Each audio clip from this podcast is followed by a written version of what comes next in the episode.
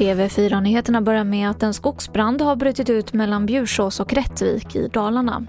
Räddningstjänsten uppskattar att branden är 50 gånger 100 meter. Området är svårtillgängligt om man har begärt hjälp från Myndigheten för samhällsskydd och beredskap som skickat helikoptrar.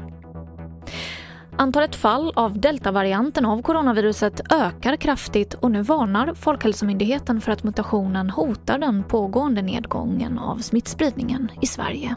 Istället för att kanske bli mildare i sin infektion som många andra virus gör när de cirkulerar under en lång tid så, så har vi sett att den här kan faktiskt också skapa mer smittsamhet och den kan till och med öka aggressiviteten i sin sjukdomsframkallande förmåga.